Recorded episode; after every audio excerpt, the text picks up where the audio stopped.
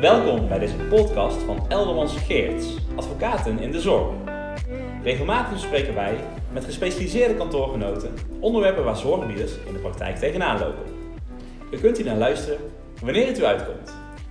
Vandaag gaan we het hebben over de overgang van onderneming in de zorg. Ik ga in gesprek met Erwin Zonnevan van Eldermans Geerts. Die is gespecialiseerd in arbeidsrecht, governance en fusies en overnames in de zorg. Erwin, welkom. Ja, dankjewel Daniel. Erwin, wat is eigenlijk overgang van onderneming? Wat wordt eronder verstaan? Ja, dat is een goede vraag. Uh, overgang van onderneming in de zorg, uh, daar gaan we het natuurlijk vandaag met name over hebben. Ja. Maar ik zal zo meteen wel iets meer zeggen over de zorg, maar we beginnen natuurlijk met een klein stukje algemeen, dat is wel belangrijk. Mhm. Uh, want overgang van onderneming is, ja, in het taalgebruik heeft natuurlijk een bepaalde betekenis, maar we hebben het nu over zeg maar, het betekenis wat het juridisch is Ja. in de zorg.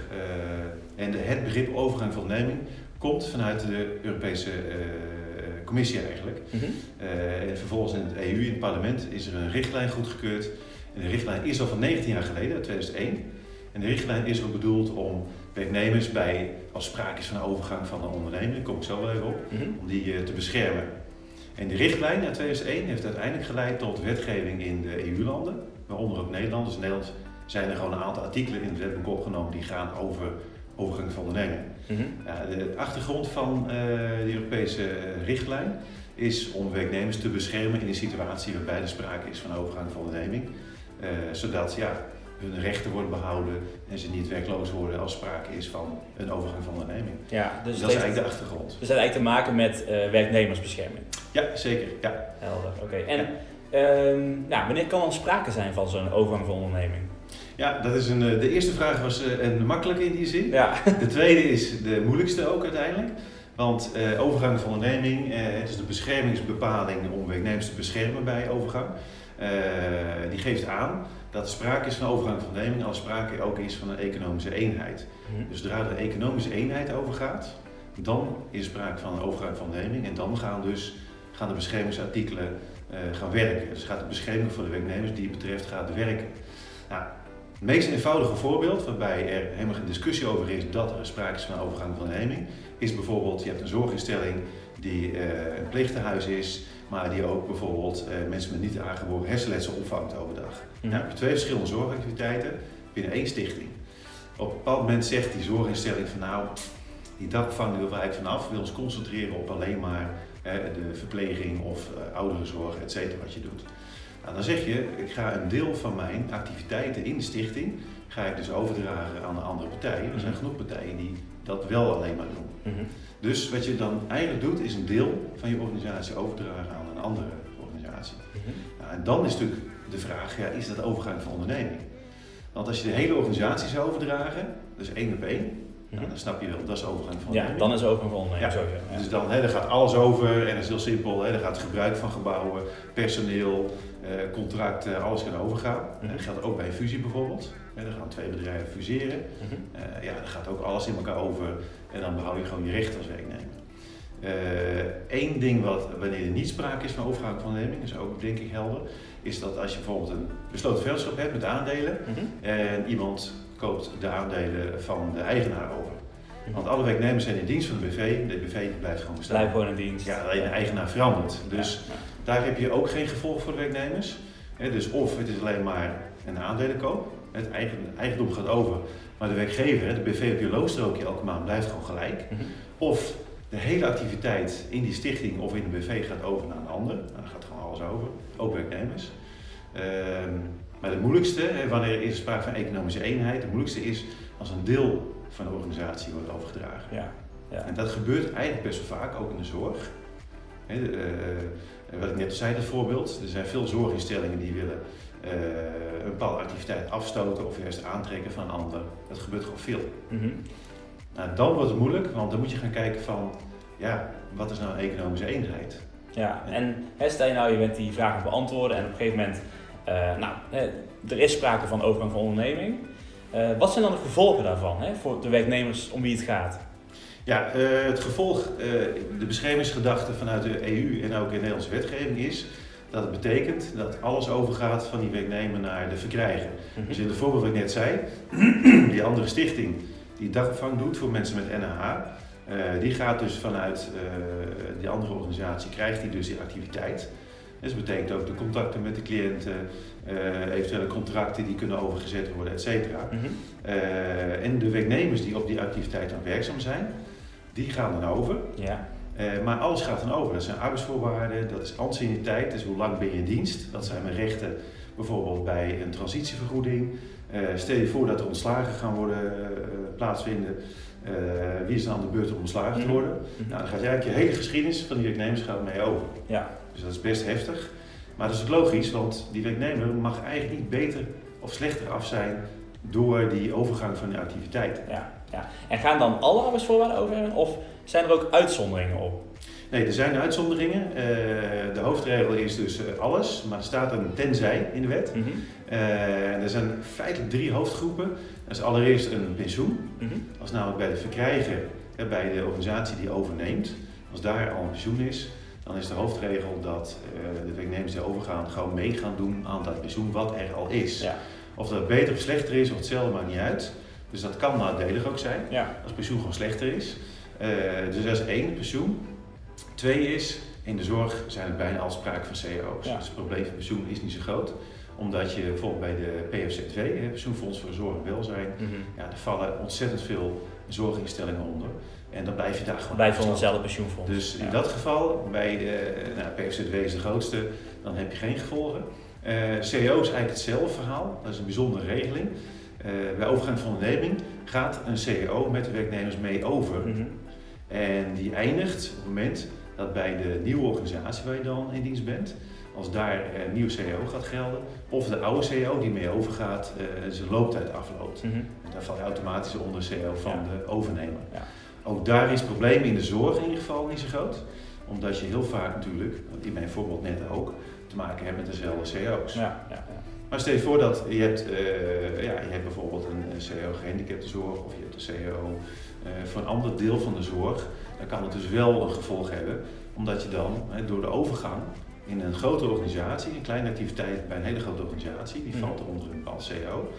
Uh, maar als je overgaat, kan het zijn dus dat je als werknemer van de ene naar de andere zorg-CEO overgaat. En dat kan gevolgen hebben. Ja, ja. Een derde variant is dat er soms uh, arbeidsvoorwaarden zijn die mee, niet mee over kunnen gaan. Mm -hmm. En stel je voor dat je een bepaalde zorg hebt, uh, in de fysiotherapie bijvoorbeeld. En één arbeidsvoorwaarde is dat jij zelf of uh, ja, uh, je gezin of familie krijgen een korting van 20% op de fysiotherapie. Ja. Nou, als jij dan overgaat naar bijvoorbeeld, je gaat iets anders doen in een ander bedrijf, misschien heeft niks met zorg te maken. ja, nou, je gaat, kan dat niet overgaan. Onmogelijk om op ja. mee te nemen. En dan is het vaak zo dat je een soort financiële compensatie afspreekt. Helder, helder. En als er een overgang van onderneming, als er sprake van is, is een werknemer dan verplicht om mee over te gaan of kan hij ook weigeren? Nee, de verplichting om mee over te gaan is er niet. Mm het is wel zo dat, hè, wat ik net al zei... Die Zou ook een beetje misschien dwangarbeid uh, kunnen zijn? Ja, precies. Ja, en dat hebben we dus niet in Nederland. Nee. dus dus uh, op het moment dat een werknemer ja, geconfronteerd wordt met een overgang van nemen, betekent dat vaak wel dat je een nieuwe werkgever krijgt. Ja. Dus het gewoon een nieuwe organisatie is ineens je werkgever. Het kan ook betekenen dat je een nieuwe werkplek krijgt. Want stel je voor dat hè, die, die dagopvang waar ik net over had in mijn voorbeeld, laten we die gewoon bijhouden. Uh, in dat geval kan het zijn uh, dat een nieuwe organisatie in een andere stad zit waar die uh, activiteiten al plaatsvinden. Daar ga je dus heen. Dus ook je werkplek kan ook anders worden. Je reisafstand kan anders worden. Nou, dus, en dat zijn dingen waar je niet tegen kan verzetten. Dat is nou eenmaal zo. Nee. Maar dus het, het recht op je eigen werkplek te houden is er niet. Nee. Dat, dat vervalt als je ergens anders heen gaat. Ja. Dat kan betekenen, je zegt als werknemer van ik heb moeite met die organisatie waar ik in dienst kom of mijn reisafstand. En dan kun je zeggen als werknemer van ik eh, wil er niet meer over, want anders zou het dwangarbeid zijn. Mm -hmm. uh, het enige nadeel is wel dat het betekent dat de uh, werknemer dus dan niet overgaat. Als hij echt heel duidelijk zegt van ik wil gewoon niet over, mm -hmm. schriftelijk eigenlijk, dan weet je het zeker. Uh, betekent ook dat hij niet meer overgaat, maar ook dat de arbeidsovereenkomst met de organisatie waar hij dan op dat moment in dienst is, die eindigt ook eindigt op het moment van overgang. Ja. En ook dat je volgens geen uitkering krijgt bij het UWV. Ja, zo, dat, is best, dat gaat best ver. Ja, dat gaat heel ver. Dat betekent ook dat je als werkgever, als, en dus stel je voor dat dit gebeurt, dan komen de werknemers bij, je maakt zich zorgen. En als organisatie moet je ze goed informeren, daar komen we ook zo op. Ja. Uh, je moet ze goed informeren. Maar als dan een werknemer echt blijft zeggen van ik wil gewoon echt niet meer over, ik vind die reisafstand He, van bijvoorbeeld misschien maar 10 minuten om de hoek naar anderhalf uur reizen, enkele reis, vind ik te ver. Ja. Eh, moet je hem ook informeren dat hij mag weigeren, Mhm. maar moet je hem ook wijzen op de gevolgen. Dat betekent dat hij uit dienst gaat bij de organisatie waar hij op dat moment in dienst is en hij ook geen uitkering krijgt. Want de UV zegt, ja, je kunt gewoon je eigen werk, Je had mee kunnen ja, gaan. je had mee kunnen gaan. Ja. En daar moet je wel op wijzen. Ja, nee, helder. Jij hebt het nu over informeren. Eh, op welke manier moet je als werkgever, hè, of moet een werknemer worden geïnformeerd over zo'n overgang van onderneming? En wanneer moet je dat doen? Ja, heel belangrijk punt, eh, Daniel. Eh, juist die informatievoorziening is belangrijk omdat werknemers natuurlijk dan ook weten waar ze aan toe zijn en bijvoorbeeld ook een keuze kunnen maken of ze toch wel of niet mee over willen gaan of gaan solliciteren ergens anders, bijvoorbeeld toch weer dichterbij bij huis. Eh, en die informatieplicht die hangt een beetje af van de mate waarin je al eh medezeggenschap hebt in je organisatie. Mhm. Dus eh, als er helemaal geen sprake is van een, een ondernemingsraad, een personeelsvertegenwoordiging of wat dan ook, geen cliëntenraad, Mhm. als er helemaal niks is, dan geldt in ieder geval de regel dat je tijdig, dus voordat de overgang plaatsvindt, dat je in ieder geval de werknemers in de organisatie moet informeren. En vaak zijn het dan kleinere organisaties, misschien Ja. maar acht of negen werknemers, want anders heb je al een BVT en een OR. Mhm. Maar die moet je dan eigenlijk bij elkaar gaan roepen en zeggen: jongens, eh, we zijn voornemens om eh, de activiteiten over te dragen. En dan moet je de informatie overgeven. Dus een informatieplicht. Mhm. Dus je hoeft niet een goedkeuring te hebben. Nee. Je moet ze wel informeren op het moment, nog voordat de boel overgaat. Ja. Nou, stel je voor dat je boven de 10 werknemers zit, of bij- boven de 50. Nou, dan kan het zijn dat je personeelsvertegenwoordiging hebt, een PVT. Mhm. Een soort ja, uitgeklede OR is dat. Ja. Eh, Heel flauw gezegd, boven de 50 werknemers heb je een OR. En heel veel zorginstellingen hebben natuurlijk een cliëntenraad. Mhm. Nou, dan heb je eigenlijk twee dingen eh, waar je te maken hebt. Eén, sowieso een adviesplicht Mhm. aan de PVT en OR. Maar eh, vaak heb je ook een adviesrecht van de, Cliënten. ja, van de cliëntenraad Ja. en de OR in ieder geval. Mhm. En de PVT als het gevolgen heeft voor een kwart of meer van de werknemers, met name negatieve gevolgen. Nou, daar is natuurlijk niet altijd sprake van. Nee. Maar zeker bij de OR en ook bij de cliëntenraad, hè, want er is een nieuwe WMCZ, die Mhm. gaat over de cliëntenraden en de bevoegdheden. Vanaf 1 juli jongsleden is er een nieuwe. Mhm. Ja, en die heeft eigenlijk heel duidelijk eh, de bevoegdheden van de cliëntenraad wel uitgebreid. Eh, en ook heel duidelijk is er een adviesrecht bij, eh, bij overgang van onderneming. Helder. Dus er zijn nogal wat organen in de organisatie die er hè, wat over te zeggen hebben, of althans die daarover geïnformeerd moeten worden. Ehm, hè, wat is de rol van de NZA hè, als externe toezichthouder, hè, de Nederlandse Zorgautoriteit, eh, bij een situatie met overgang van onderneming? Hebben zij ook een rol?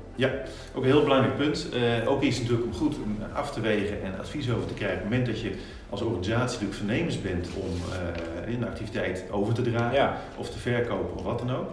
Eh, want je hebt natuurlijk niet alleen te maken met die organisatie zelf en de werknemers, maar eh, zeker in de zorg heeft het natuurlijk te maken met eh, de NZA. Mhm.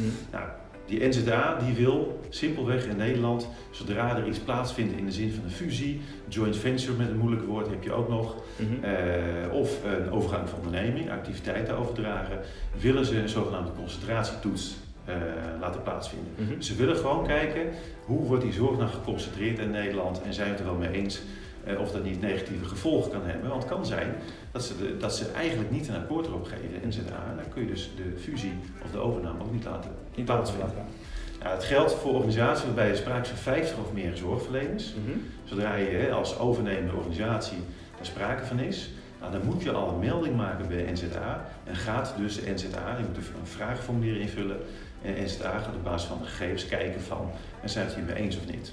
Nou, ze kunnen een aantal dingen doen. Ze kunnen zeggen, we zijn het niet mee eens, of wel mee eens, of wel mee eens onder bepaalde voorwaarden. Dan kunnen ze eisen stellen aan hoe je dat vormgeeft. Ja, helder. Ja. Dus daar moet je ook aan denken als je nou ja, bezig bent met een overname of fusie, hè, eh, waarbij eh, nou ja, toch de NSA ook een rol heeft. Ja. ja. En hè, stel, na de overgang van onderneming, hè, er is een nieuwe werkgever, mag die nieuwe werkgever ook de arbeidsvoorwaarden dan gaan harmoniseren? En mag die bijvoorbeeld ook werknemers ontslaan, omdat er bijvoorbeeld te weinig werk is na zo'n overname? Hoe zit dat? Ja, dat is een gevoelig punt. Want op Ja. een gegeven moment heb je natuurlijk twee organisaties. Voor het voorbeeld wat ik net zei. Je hebt een verpleegtehuis en de da- dagopvang van de NH wordt overgedragen aan een organisatie die alleen maar NH doet. Eh, ja, dan kan het natuurlijk zijn dat je zegt van hé, hey, we, gaan, eh, we gaan cliënten overnemen, we gaan activiteiten overnemen.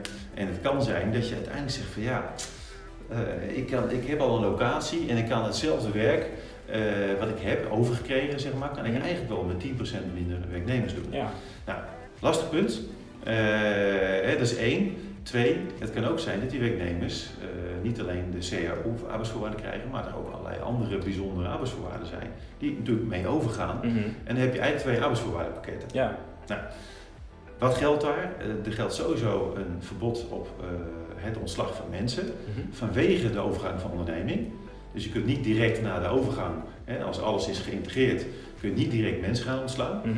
Eh, niet meteen in ieder geval, omdat dat ja, rechtstreeks dan te maken heeft met die overgang. Ja. Dan heb je één op één iemand gewoon niet meer nodig. Eh, ja, dat is toch het probleem van de organisatie op dat moment zelf. Je mag niet zomaar gaan ontslaan. Het is duidelijk een ontslagverbod in de wet. Mhm. Eh, maar als gaandeweg, hè, dus je moet het gewoon proberen met de mensen die je hebt. Ja. En je gaat gewoon activiteiten overnemen, contracten, werknemers gaan over, je gaat gewoon aan de slag. Die NH die eh, op de dagopvang wordt gegeven, Mhm. je gaat gewoon aan de slag. En maar na een aantal maanden tot een half jaar merk je gewoon hè, dat ook met een beetje schuiven met werknemers en, en werkzaamheden, dat je toch met bijvoorbeeld vijf werknemers in je maag zit waar je gewoon geen werk voor hebt. Nee. Nou, dan heb je zogenaamde ETO-redenen, dus economie- economische, technische of organisatorische eh, redenen. Mhm. In dit geval, ja, gewoon te weinig werk voor te veel mensen. En dan mag je op een gegeven moment wel gaan zeggen, we gaan toch snijden in het personeelsbestand. Ja. Ja. Dus dat is één. En het tweede is arbeidsvoorwaarden eh, die overgaan. Eh, de hoofdregel is dat je niet zomaar kan harmoniseren. Dus ook daar kun je niet zomaar zeggen, oh, we hebben eens twee pakketten, arbeidsvoorwaarden vinden wij niet handig. Maken er één van. Maak er één van, Nee. klaar. Eh, en waarom? Omdat tegenwoordig is het technisch gezien heel makkelijk om twee arbeidsvoorwaardenpakketten Mm. eh, in de organisatie te houden. Vroeger was dat lastig, eh, als papier, maar nu kun je het technisch heel makkelijk ook voor elkaar krijgen met HR-systemen. Ja. En moet je eigenlijk die twee voorwaarden, voorwaardenpakketten, zeg maar, moet je naast elkaar houden. Nou, dan kan het wel zijn dat als je gewoon de werknemers meekrijgt, en stel je voor je bent maar een organisatie met 20 man of 15, Mhm. en je gaat gewoon zitten met elkaar. Als er een OR is of PVT, die zet je er ook bij en die zeggen jongens, we zien nu toch wel wat verschillen. Kunnen we kijken of dat... Ja. Ja. En als je uiteindelijk een OR achter krijgt, en werknemers zelf zeggen ook van jongens, eh, dan doen we daar eh, die eh, arbeidsvoorwaarden al weg en we krijgen iets meer loon daar. Nou, als iedereen op een gegeven moment zegt van ja, prima akkoord en die tekent er ook voor, is het gewoon opgelost. Dus het advies bij dat verhaal is niet eenzijdig heel snel maar doorduwen, maar gewoon het overleg opzoeken en daar kom je er heel vaak ook wel uit. Helder, helder. Nou, eh, wat altijd natuurlijk, hè, een, eh, zeker juridisch een lastig punt is, zijn de faillissementen. Hè, hoe zit het met de overname van onderneming als er sprake is van zo'n faillissement? Hoe, hè, hoe, hoe moet je er dan naartoe, naar, naar kijken naar zo'n overname van onderneming? Ja, ook weer een belangrijk punt, met name ook met de huidige situatie, want door de coronacrisis Ja.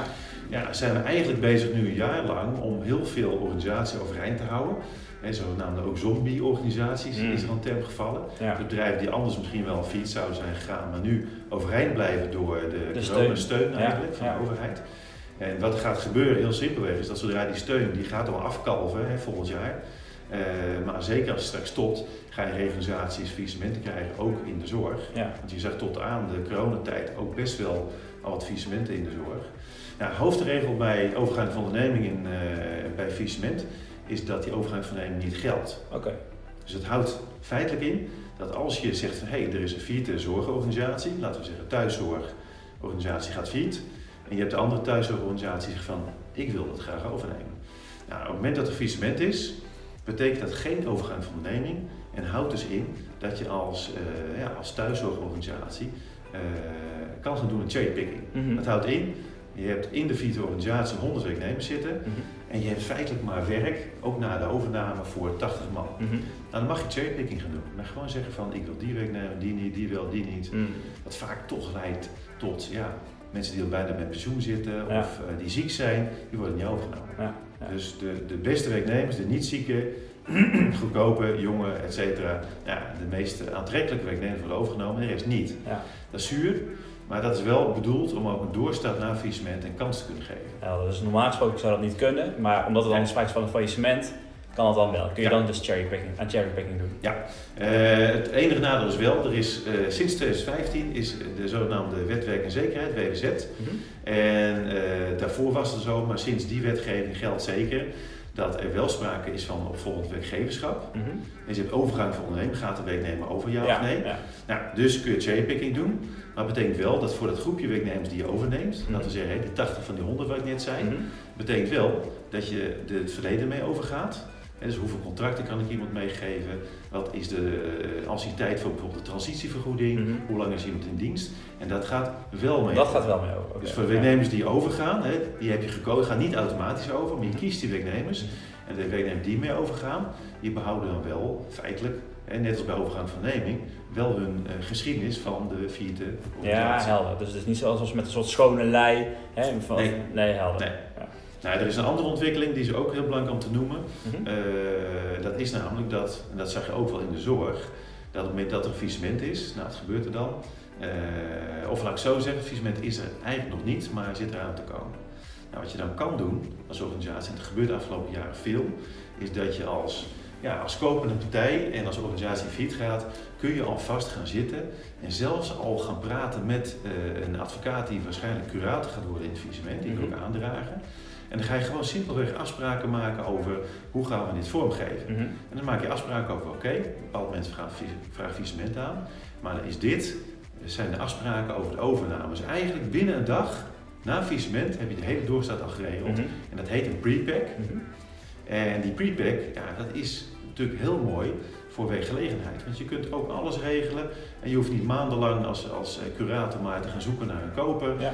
Die dient zich al aan, die is er al. Dus kortom, een hele korte tijd heb je fantastische doorstart. Nou, die prepack was zo populair in Europa ook, maar ook in Nederland, dat zelfs de overheid zei dat gaan wij vastleggen in wetgeving, Mhm. zodat die prepack ook zelfs ja, vorm krijgt in het recht, want dat was niet zo. Maar dat vinden we zo'n mooi middel, dat gaan we dus vormgeven in, eh, in ons Nederlands recht. Mhm. Wat is er volgens gebeurd in 2017? Een zogenaamde small steps eh, uitspraak van Mhm. de Europese Hof van Justitie. Die zei van ja, die druist echt in tegen eh, de beschermingsgedachten van werknemers. Want ja, het is bedoeld voor een curator om na faillissement gewoon te beproeven eh, of er een doorstaat mogelijk is. Maar het is niet, mag niet een truc zijn. Het faillissement mag niet een truc zijn. Om dan maar een cherrypicking te kunnen doen. Precies. Ja, ja. En toen heeft de Europese Hof van Justitie gezegd van dit mag gewoon niet. Grote paniek, want de Nederlandse overheid was al bezig met een wetsontwerp, eh de hele prepack eigenlijk te legaliseren. En de Europese Hof zegt jongens, dat gaat gewoon niet gebeuren. ja. En dat is dus veel minder interessant om zo'n prepack eh, te organiseren. Ja, en sterker nog, het wordt nog oninteressanter en dat is wel het vervelende. En daarom is ook advies bij die situaties verschrikkelijk belangrijk. Ja. Want er ligt een nieuw wetsvoorstel en dat heet overgang van onderneming in faillissement. Mhm. Nou, er is heel veel kritiek op. Het is er ook nog lang niet door. Maar als het doorgaat, dan gaat het betekenen dat de overgang van onderneming wel gaat gelden in faillissement. Dat houdt in dat je bij een faillissement eh, en bij een overname van activiteiten, Mhm. dat je in principe al het personeel wat bij die activiteiten hoort, mee over moet nemen. Ja. Dus ook hier weer doe je maar een deel van de Vita Boedel. Gaan alleen de werknemers over die daar werkzaam zijn natuurlijk, Mhm. en niet de anderen. Maar je mag dus niet meer een cherrypicking doen. Ja. Het enige wat dan wel nog mag, is dat je een soort, hè, dus als blijkt dat je gewoon eh, met alles wat mee overgaat, kun je gewoon geen winst draaien. Nou, dan mag je wel een soort reorganisatie, een soort ontslagronde doorvoeren. Mhm. Maar dan moet je wel het afspiegelingsbeginsel toepassen. Wat je dus ook doet als je normaal gesproken wil reorganiseren. Ja. En als het cherrypicken mag niet meer, dan moet je gewoon gaan kijken eh, ja, in bepaalde leeftijdsgroepen, last in, first out. En dan dwingen die regels jou eh, bepaalde werknemers over te nemen van je misschien helemaal geen, eh, geen trek in hebt. Ja. Helder. Nou, we moeten afwachten of het doorgaat, maar Ja. dat is wel het, het Nou, is, wetsvoorstel. ja, dat is een ontwikkeling om goed, eh, goed te volgen. Ja. behoorlijk complex, eh, Erwin, die overgang van onderneming. Eh, ik stel voor dat we hiermee de podcast afsluiten. En hartelijk, hartelijk dank voor je tijd en voor je duidelijke Ja. uitleg. Graag gedaan. En waar kunnen mensen met hun vragen terecht? Nou, uiteraard op onze site uh, www.elderman-in-het-midden-geerts.nl. Daar staan ook mijn gegevens uiteraard, telefoonnummer, e-mailadres. Mhm. Ja, en heel simpelweg, wat je net al zei, het advies echt aan onze luisteraars is, vraag op tijd ook advies. Want je kunt bijvoorbeeld ook bij een overname, kun je, kunnen wij gaan kijken en afstemmen op welke manier kunnen we dat vormgeven, zodat je uiteindelijk niet ineens met allerlei resultaten en gevolgen zit in je maag waar je niet om gevraagd hebt. Want let wel, overgang van onderneming is een valpijleffect. Op een bepaald moment is daar sprake van en kun je dat niet meer terugdraaien. Ja. Als het gebeurt, is het gebeurd. Nee, advies is eh, heel Ja. belangrijk. Dankjewel, Erwin. Graag gedaan.